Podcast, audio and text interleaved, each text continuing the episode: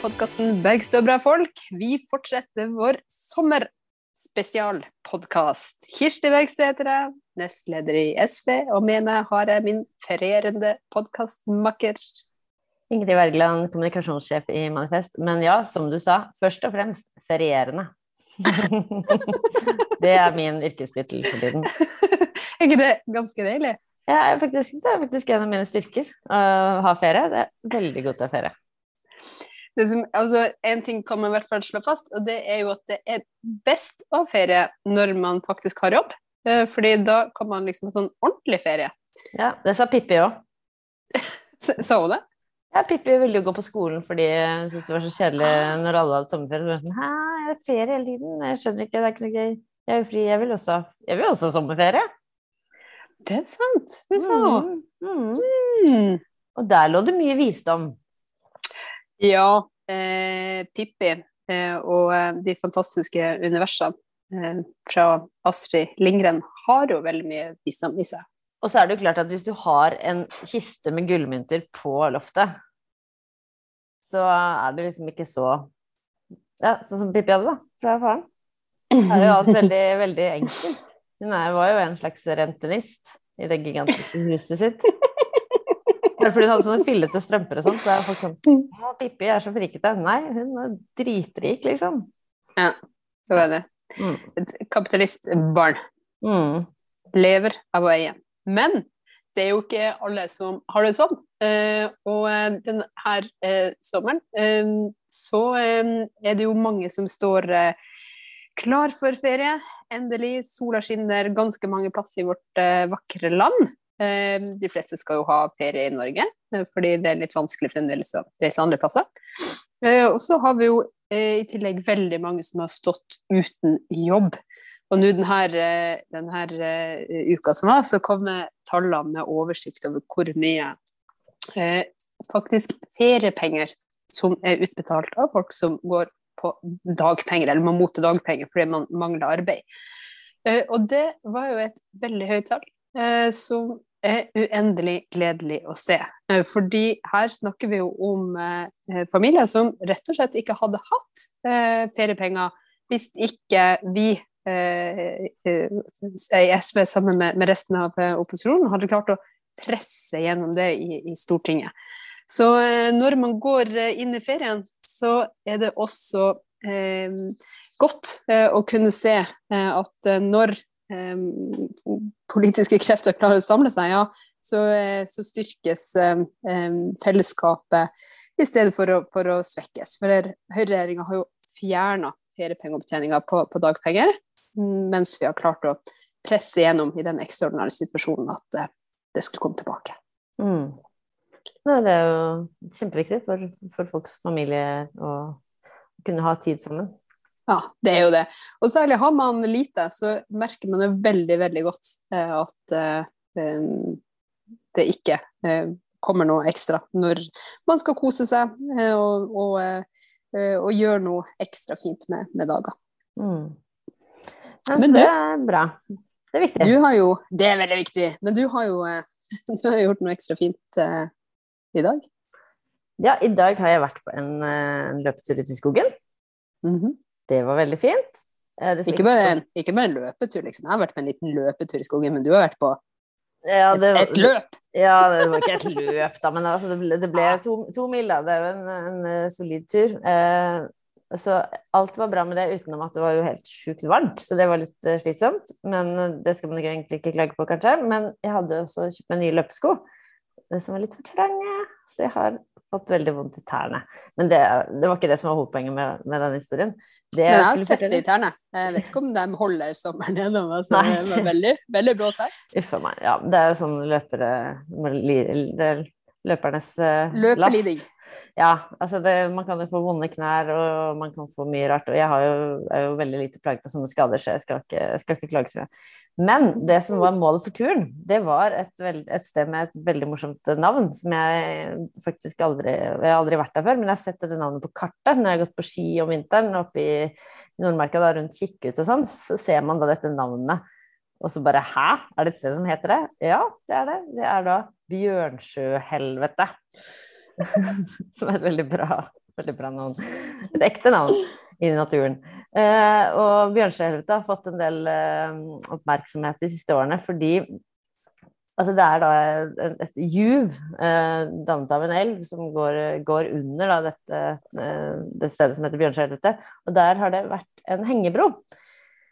Eh, siden 50-tallet. For eh, på 50-tallet så bygget man ut en enorm sånn strømledning eh, fra, fra, nord for Oslo inn, for, å, for, å, få strøm inn til Oslo, da. Noe som det var enorme demonstrasjoner for i 1946. Eh, dette var noe som var planlagt fra 30-tallet, men så satte Quisling arbeidet i gang, og da krigen var over, så ble jo folk litt sånn Hæ, skal dere fortsette med dette? Men det var, et, det var, et, nødvendig prosjekt, men eh, mange reagerte jo da på dette inngrep, inngrepet i naturen, som, som, jo alltid vekker uh, harme. Mm. Uh, så, det, så, hvis man da er, må gå på ski i Nordmarka, så, eller løper rundt i Nordmarka, som noen gjør, så kan man da se disse, denne enorme strøm, strømledningen. Og da de skulle bygge den, så måtte de uh, lage da en sånn hengebro over dette juvet for å rett og slett anleggsmessige grunner. Eh, den, altså, sånn, sånn, at folk kan gå over, eller ja, maskiner og, også? Nei da, nei, den var veldig smal. Det var liksom bare et par planker ja. med ganske lavt gjerde eh, over. Eh, så det var nok for folk, eh, folks skyld. Men, eh, men så, det, det, var i 1955, så den har hengt der siden det. Og så har den jo vært veldig veldig fallferdig de siste årene, så, det, så den har vært eh, det har vært kjempefarlig at den har vært der, så den har skulle blitt revet. Og så, og så har jo folk protestert, da, for det er en veldig fin bro, da. Mm. Uh, og så var det Statnett som eier den, da, for det var Oslo Lysverk som i sin tid satte den opp. Og Statnett har liksom prøvd å gi den til Oslo kommune, og Oslo bare nei, ellers takk. Og prøvde å gi den til Turistforeningen, de bare nei. Og så prøvde Litt gammel. Byforeningen, alle bare sånn takk for denne råtne gamle, vi ikke ha den. Så endte det med, da, etter masse press fra aktivister ute i naturen og visstnok internt i Statnett, at uh, de, de, de, gikk med på både rive den, men ikke minst uh, bygge den på nytt. da. Så nå henger den der med masse sånn fine sånn kulturhistoriske plaketter rundt som forteller om at uh, her var det Jeg forteller historien da, etter Lysverkets bro, og bildet av en grevling som gikk over der for ikke så lenge siden. Noen fine sitater fra Asbjørnsen og Moe, da, for de har også skrevet historier fra området der. Det var en fin tur. Var grevlingen den første som passerte? Regner det. Minner om en eh, barnebok vi leste her om dagen som het uh, 'Djevelen og katten'. Eh, som handler om at eh, en liten by i Frankrike som ønska seg bru eh, over ei elv. Og så eh, kom djevelen der, litt usikker på hvor han dukka opp, men han var i hvert fall med dette eventyret.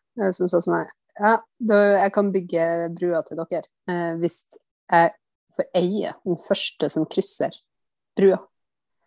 Og så, dette er en barnebok. Eh, og så, så eh, kommer borgermesteren som en luring. Eh, tass, tass, tass. Eh, alle sto og beundra denne brua, men ville ikke gå over den, fordi Satan sto på andre sida og klarte å ta imot eh, sitt, sitt bytte. da. Og i armene hadde borgermesteren en katt som han kasta vann på, så katta føyk over brua, i armene på djevelen, Folk hadde bru, og djevelen hadde katt. ja. Men uh, det var ikke sånn det var for den grevlingen. Liksom ja, det, altså, det, sier jo ikke historien om. Nei. Altså, Nei. det, det, jeg kjenner ikke Statnett-direktøren, liksom, men altså, for alt jeg vet, har han inngått en pakt som ingen, ingen er kjent med. Det er mye som tyder på det. Mm. La, det la det henge i lufta. Mm. Apropos, eh, apropos eh, spekulative nyheter. holdt jeg på å si. Så har jo, eh, så har jo eh, Erna Solberg, eh, landets foreløpige, snart avgåtte statsminister, kommet med sitt store budskap om liksom, valget. Hva er det Høyre skal forsøke å, å vinne valget på? Nei, altså Erna har jo da tatt seg en tur til et av de eh, ganske blå fylkene, nemlig Vestfold. Der er det jo mye høyere folk, så hun har vel dratt på hjemmebesøk, kan du si. Eh, og så har hun slått av en prat med NTB og skal fortelle da om hun, eh, hvordan hun skal vinne valget. Og da trekker hun fram eh, to saker eh, som hun syns er veldig viktige. Det er nemlig en kraftig styrking av det hun kaller fritt behandlingsvalg innen helse. Som jo mm. egentlig betyr uh, mer uh, kommersielle aktører i helsevesenet betalt av det offentlige. Um, men pakket inn da i en sånn slags uh, ja, klasseretorikk om at sånn det kan ikke bare være sånn at Det sier ikke hun, da, men det har jeg sett liksom hennes pressefolk skrive på Twitter sånn Det skal ikke være sånn som venstresiden vil, at bare de rike skal kjøpe tjenester det private. Og så blir jeg sånn Men det Venstre vil, er jo å styrke de offentlige, sånn at ingen trenger å kjøpe tjenester private. Så det her, dette blir ikke riktig. Ja. Mm -hmm. men, men, det er i hvert fall den ene saken eh, som de er veldig opptatt av. Og mer, mer uh, velferdsprofitører, rett og slett, innenfor helsevesenet. Uh, mm. Den andre saken er den utrolig rare forkledningen av skattekutt, som, som, de kaller skattefradrag for folk under 30 som er i jobb. som er bare Det er bare Altså, det er bare så teit. Har den har vi jo flirt av uh, før. Ja, vi har snakket om den i uh, en episode for uh, jeg vet ikke, fem-seks uker siden, kanskje. like etter landsmøtet til Høyre, hvor, hvor Jan Nei, Kan du gjenta det? Kan ikke du gjenta den tittelen? Ja. Den er så bra! Skattefradrag for folk under 30 år som, som kommer i jobb. Eller som er i jobb, da. Ja. Nei, altså dette er, eh, dette er altså, et resonnement som er helt sånn hinsides. Altså de tror altså at folk som, ikke, som, er under 30 år, som ikke er i jobb, ikke er det fordi man betaler skatt, mens ja, altså jeg kan jo men, altså Ikke det har noe med liksom at det ikke er noen jobber, eller at, uh, at uh, liksom, det, er, det, er vanskelig, ja, det er vanskelig å skaffe seg jobb, eller kanskje at man studerer, eller altså Det kan jo være veldig mange grunner til at man ikke jobber når man er under 30 år. Mm. Men, men, la meg uh, gi deg Ernas forklaring. En av de tingene som skjer når man står for lenge utenfor arbeidslivet, er at man mister arbeidsevnen. Du kan miste arbeidslysten også. Et skattefradrag kan øke motivasjonen til å jobbe mer og holde kontakten med arbeidslivet. Og ja, fordi det er ikke sånn at du ikke jobber fordi du ikke har arbeidsevne, men du mister arbeidsevnen av å ikke være i jobb, og dermed også motivasjonen. Ja. Det, det, det er resonnementet. Og dette, det som vi snakket om uh, forrige gang også, er liksom altså det, det, er bare galt på alle mulige måter, men, men ja. Vi vet jo at veldig mange unge mennesker f.eks. jobber deltid. Jo, uh, unge mennesker er jo ekstra utsatt uh, for deltidsstillinger. Men da mener hun da i sitt resonnement at nei, men da får du så lyst til å jobbe mer, fordi du får beholde mer av pengene dine uh, av å jobbe i en større stilling enn av det som betales til skatt. Men du har jo den avisa foran der det her står. Jeg, kom, jeg følger med en sånn advarsel. Advarsel. Statsminister har tenkt å pisse på fattigfolk, arbeidsløse og mennesker utenfor arbeidslivet. Gjør det det? Er det sånn Nei, du er sånn som. Dagbladet hele tida. Dagbladet sånn 'Akkurat nå! Pass på!' Ja. Eh, og så er det liksom Ja, nei, det var ikke akkurat nå, det var ikke så mm. krise, sant. Eh, mm. Men det, akkurat der så burde det faktisk vært sånn pareskilt. Sånn men pare, pare. Det, det, kunne det vært. Men uh, jeg skal gi NTB-journalisten at hun i hvert fall stiller det kritiske spørsmålet Hvorfor er det riktig å premiere de som er så heldige å få seg en jobb? så det er jo litt sånn Ja. Mm. Nei, så mm. Jeg tror på det. Fordi vi vil om at uh, nå har vi tallene på de som har fått um, feriepenger som arbeidsløse. Men det er noen andre tall som også har kommet uh, nylig de siste ukene. Uh, og det er på sosialhjelpsmottakere.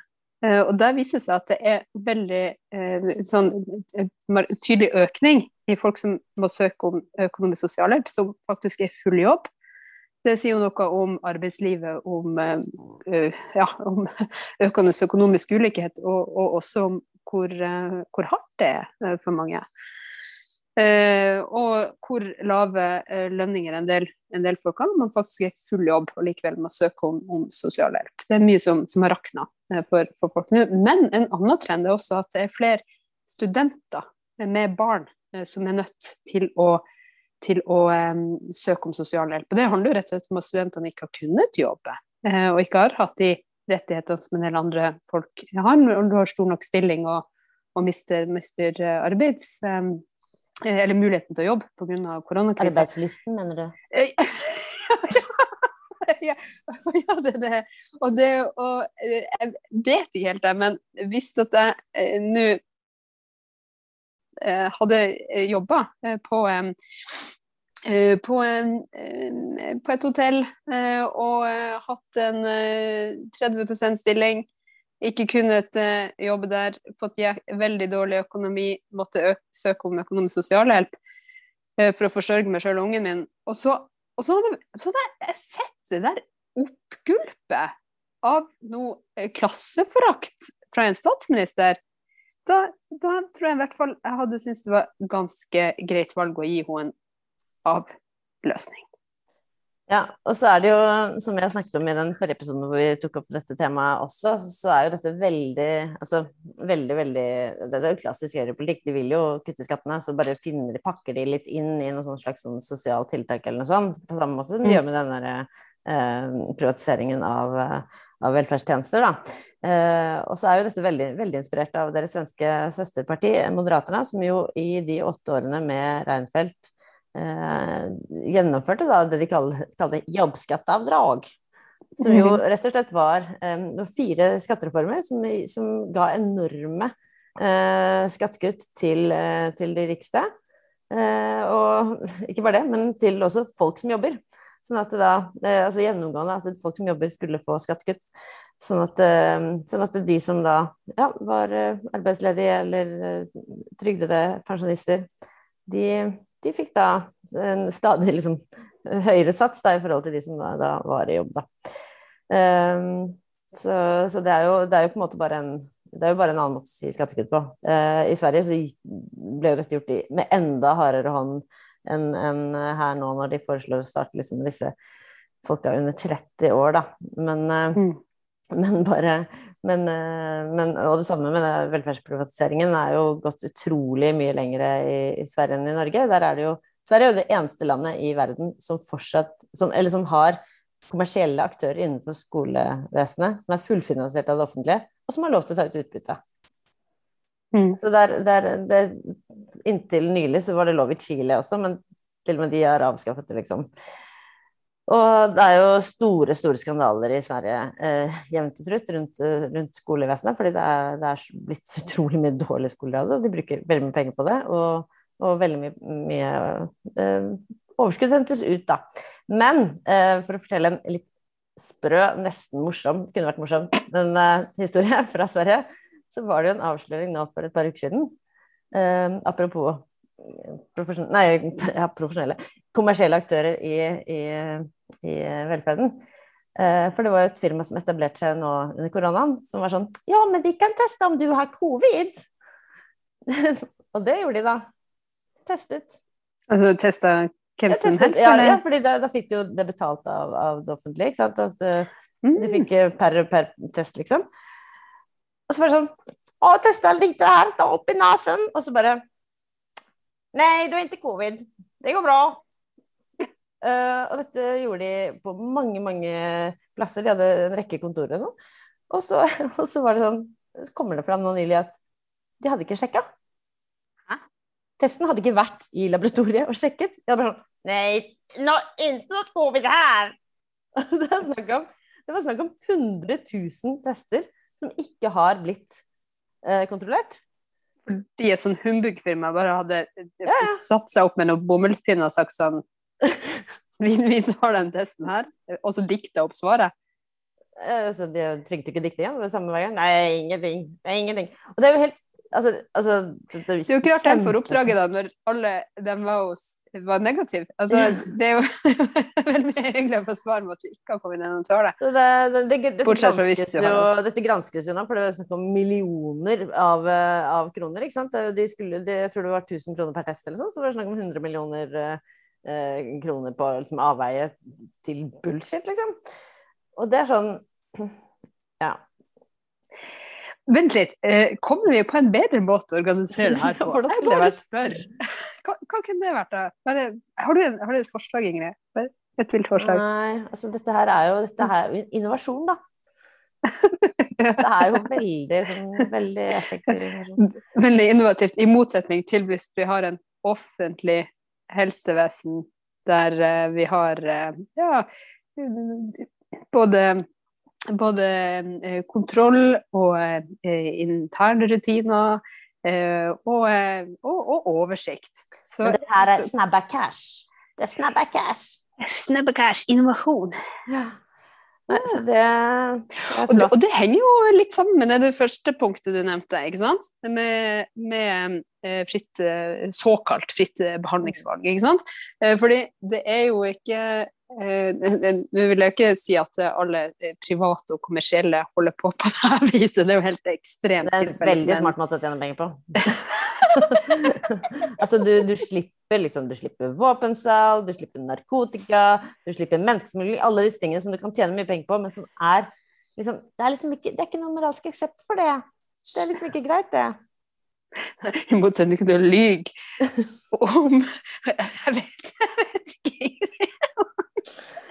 om det å, å lyge om testresultatet midt i en ekstrem pandemi. Ehm, men eh, det her med hvor er det pengene skal gå veien, da? Hvem er det som skal få oppdragene? Hvem er det som skal sørge for trygghet i helse? Mm. Eh, så er det jo både spørsmål om såkalt fritt behandlingsvalg, om man bare skal eh, fortsette å la veldig mange kommersielle ha avtaler med helseforetakene som gjør at de ja, mindre kompliserte, kanskje enkle behandlingene bare bare siles ut av det offentlige og inn i det kommersielle sitt marked. Mens det offentlige sitter igjen med de eh, kompliserte, sammensatte tilfellene. Mm. Og Der er det jo eh, et uh, viktig arbeid som har pågått ved en sånn arbeidsgruppe knytta til helseforetakene. Og, og hvordan, hva skal man egentlig gjøre med den modellen?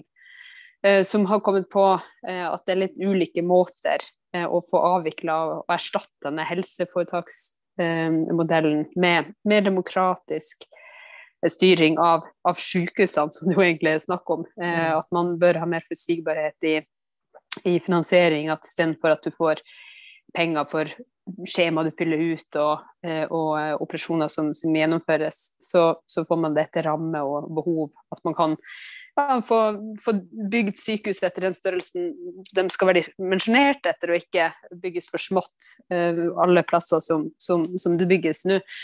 Eh, og det er jo en veldig, eh, et veldig viktig arbeid og også en, en, en, veldig nødvendig endring i måten å tenke helse, finansiering, fellesskap på. At man må rett og slett ta tilbake styringa eh, og kontrollen både over pengestrømmene, men også over noe så grunnleggende viktig for oss rent, eh, rent demokratisk og i velferden.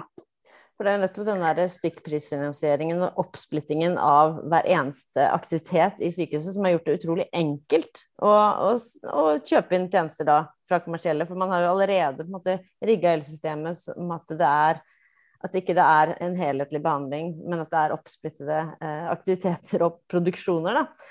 Mm. Som jo får helt absurde utfall i sånn, sånn som vi har hørt om fra, fra fødestuer, hvor det viser seg at nei, men det, du, sykehuset får mye mer betalt for, en, eh, for et hastekeisersnitt enn for en, eh, en, fødsel hvor det ikke har vært nødt til å ha hastekeisersnitt fordi man kanskje har hatt nok jordmødre på jobb så man har kunne tatt seg den tiden som har gjort at ikke man har havnet i den situasjonen. Men det får du mye dårligere mm. uttelling for på, mm. på finansieringen. Så altså, ja. Så den type insentiver uh, hører jo ikke hjemme i det hele tatt innenfor uh, helsevesenet. Så få det vekk, så uh, få det vekk sammen med Erna Solberg og hele hennes regjeringsgjeng. Men Ingrid, vi starter med å snakke om at vi, det er jo ferie. Vi, og derfor så har vi jo også eh, satt i gang en sånn sommerspesialserie eh, eh, som eh, jo sparka godt i gang, med Bringebær bonde fra, fra Drøbak. Ja, og så har jo den, den, eh, den, oppmerksomme lytter, som jo gjelder alle våre lyttere, de er jo oppmerksomme folk, de har jo hørt at vi har en, en ny kjenningsmelodi for sommeren. Mm -hmm. En ekstra fin en? Den er jo ekstra fin, og den er jo komponert av vår huskomponist eh, Torgeir eh, Wergeland Sørby. Mm. Som eh, jeg kan avsløre deler mitt etternavn, og også er min bror. og, og, og hva, hva, er det den gir oss? Jo, den gir oss jo akkurat det. den stemningen som vi jo prøver å, å, å, å skape med Bergsø Bra Folk For som jeg La meg sitere meg selv. Vi er jo en slags uh, Dette programmet er jo en slags mashup av uh, programmer som Verdibørsen, Reiseradioen og avisa Klassekampen. Mm, Ingrid, jeg elsker når du siterer deg sjøl. Bare hyggelig. Bare hyggelig. Bare hyggelig. Men vi eh, bruker vanligvis ikke å avsløre hva som er i vente. Eh, men vi kan jo nevne at det er eh, flere spennende episoder som kommer utover sommeren. Eh, vi skal innom Diplomis, snakke med tillitsvalgte der. Og vi skal selvfølgelig også berøre 22. juli, som, som jo er et tungt tema som, som henger ja, som henger over året, og som selvfølgelig kjennes ekstra på selve, selve dagen. Da.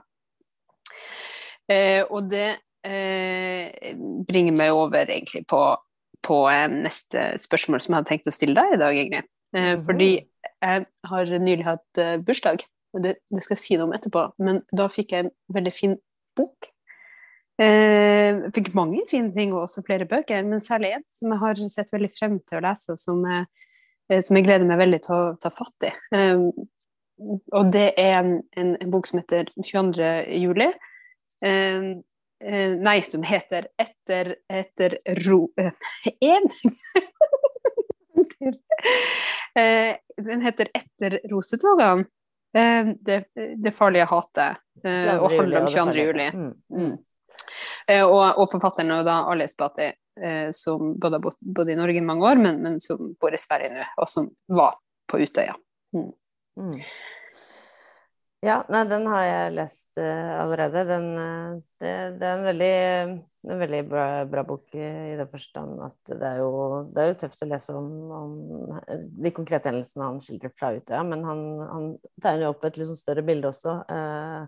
Han er jo selv eh, flyktning fra Iran. Eh, kom til Sverige sånn i sjuårsalderen eller noe. Um, så han beskriver også liksom sin egen eh, oppvekst eh, i Sverige, og, og, og set, trekker også paralleller eh, fra, fra, liksom Lasermannen og Trollhättan-terroren. Altså det er jo flere, flere andre høyreekstreme Eh, voldsepisoder som han har sett i sammenheng med. Og så, og så, skriver han jo veldig ja, godt og innsiktsfullt om mm. både svensk og norsk politikk for så vidt også, de siste ti årene, da. Uh, mm.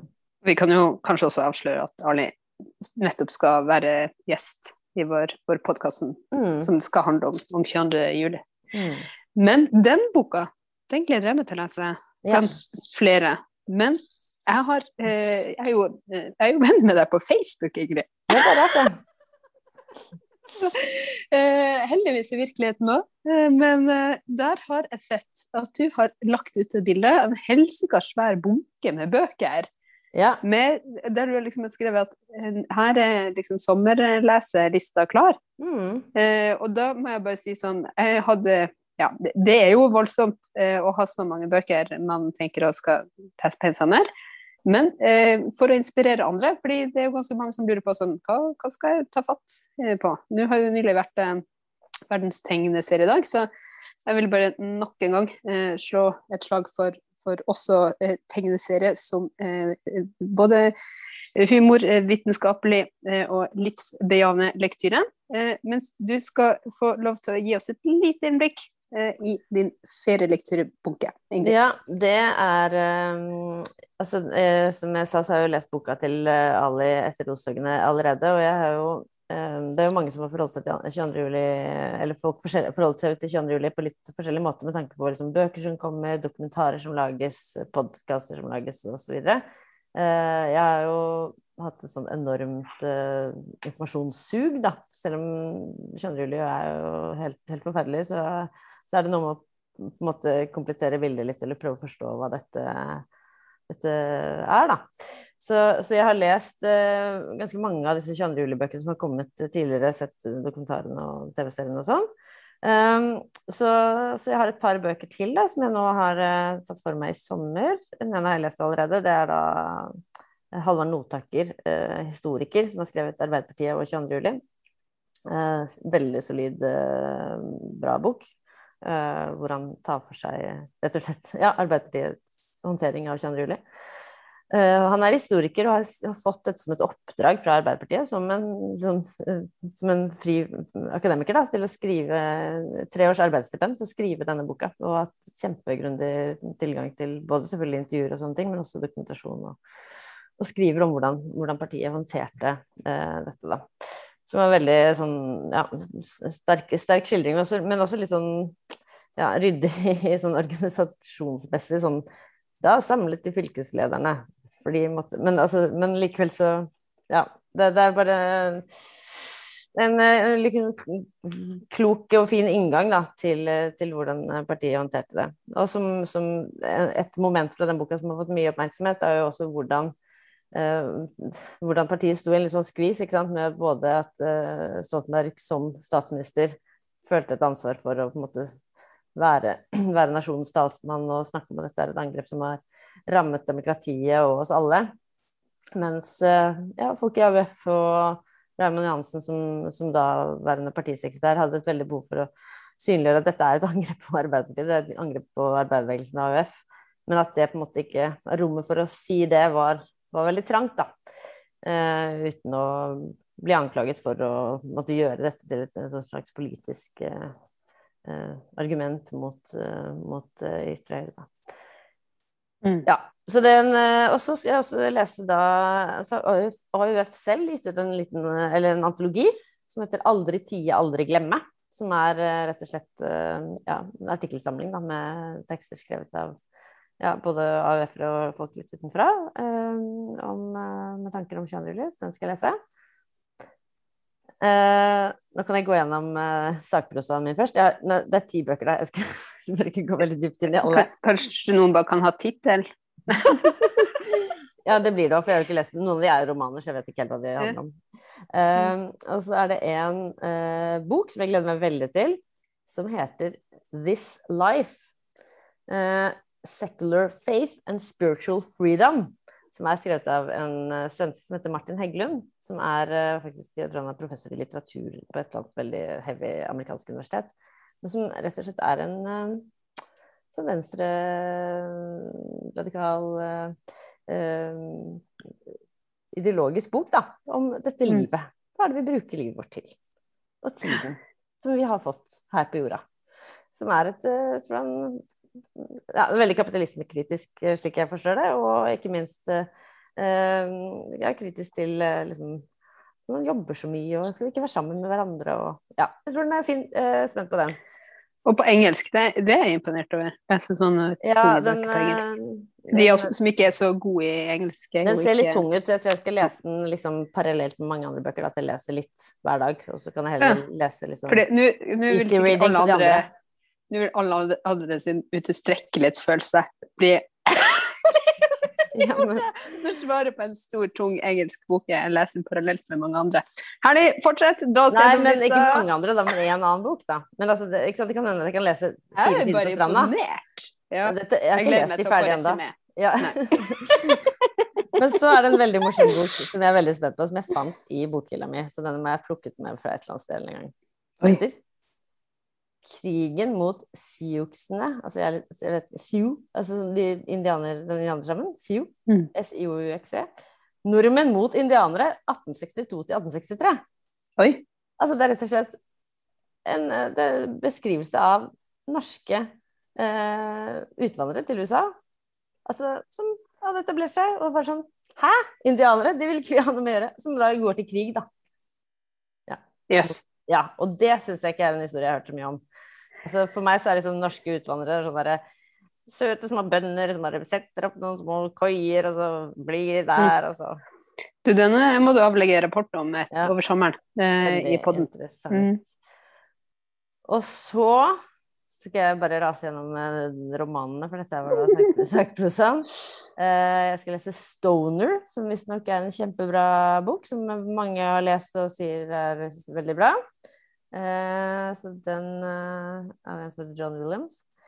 Uh, så skal jeg lese 'Lengter knuser slår' av Bård Torgersen, som jeg tror handler om litt sånn derre punkemiljø på 80-90-tallet. Kanskje mest 80-tallet mm. i Oslo. Geir Gulliksen 'Billig snill' igjen, som jeg har begynt på litt. Som fremstår som en sånn ja, liksom middel, uh, middelklasseroman. Og så skal jeg lese uh, Karlo Knausgårds 'Morgenstjernen', som er den siste Knausgård. Som har fått kjempegode anmeldelser.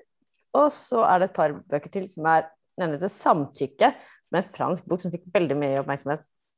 Det handler om en veldig ung jente som blir sammen med en altfor gammel mann, altså sikkert sånn tre ganger så gammel, i et sånt litteraturmiljø eller sånn. Det høres veldig lugubert og fransk ut. Og, og veldig mor, typisk. moren er ikke så glad for det. og jeg ble litt sånn Jeg er glad jeg bare har sønner. Dette høres ikke bra ut. Um, og så er det en som heter 'Heftige bånd', som også visstnok skal være veldig bra, av Vivian Gornik, som jeg har hørt folk si er den beste de har lest noen gang. Ja, så Oi. dette her, altså. Dette blir bra. Ingen tvil. En spennende uh, sommer i bokform uh, foran deg. Så altså, jeg behøver ikke oppleve noen ting rundt meg. Altså, alt kan bare være en tåke rundt. Jeg kan bare sitte og lese og lese. Været kan være hva det enn blir. Ja, altså jeg skal til Vestlandet, og der er det jo Der er det jo ikke så mye sånn værgaranti. Mm. Der kan det bli mye inne, innetid. Men det er fiskegaranti? Ja, det Nesten. Ja, for da, da, skal du ut og, og ro. Dra opp garnet og fiske. Mm. Fryseren full. Det blir bra. Mm. Jeg skal nordover en tur. Ja. Så det blir, det blir også deilig. Eh, og så skal jeg til Sørlandet en tur, så jeg tar liksom Norge på alvor eh, når man først Eh, skal være i eget land. Nei, det tenker jeg så er jeg stort sett i eget land. Jeg elsker jo norgesferie. Men mm. eh, det eh, jeg har gjort eh, siden sist, som jeg bare må nevne, det er at jeg har fylt 40. Og det vet jo du, Ingrid, for du, du var jo der på, på bursdagen min og, og feira dagen. Eh, og eh, i dag, på den lille løpturen jeg hadde i skogen, ikke dine to mil, men min lille tur, da kom jeg på et, et dikt eller jeg kom ikke på et dikt, det var et dikt som kom til meg. Og det tenkte jeg, hvis jeg klarer å huske det nå, da, eh, at jeg bare måtte dele. Fordi det, sånn til å fylle 40, det er litt sånn det, det, Man gjør litt status, opp litt status når man fyller 10, 20, 30 og 40. Og når man har levd en stund, så er det jo mye som skjer i et liv. Noen har falt fra. Noen har tapt sin helse, blitt ufør.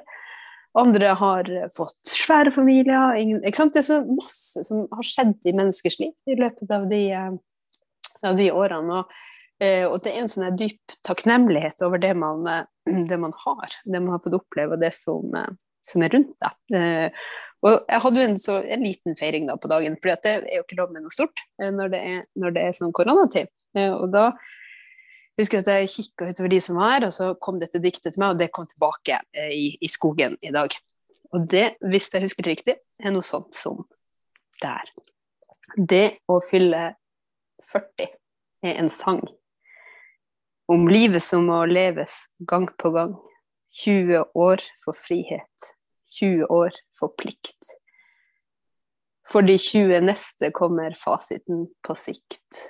Det er ikke dagen for å stoppe, snu og se tilbake, men se hvem som har fulgt med, og kjenne at halvveis er jammen et godt sted.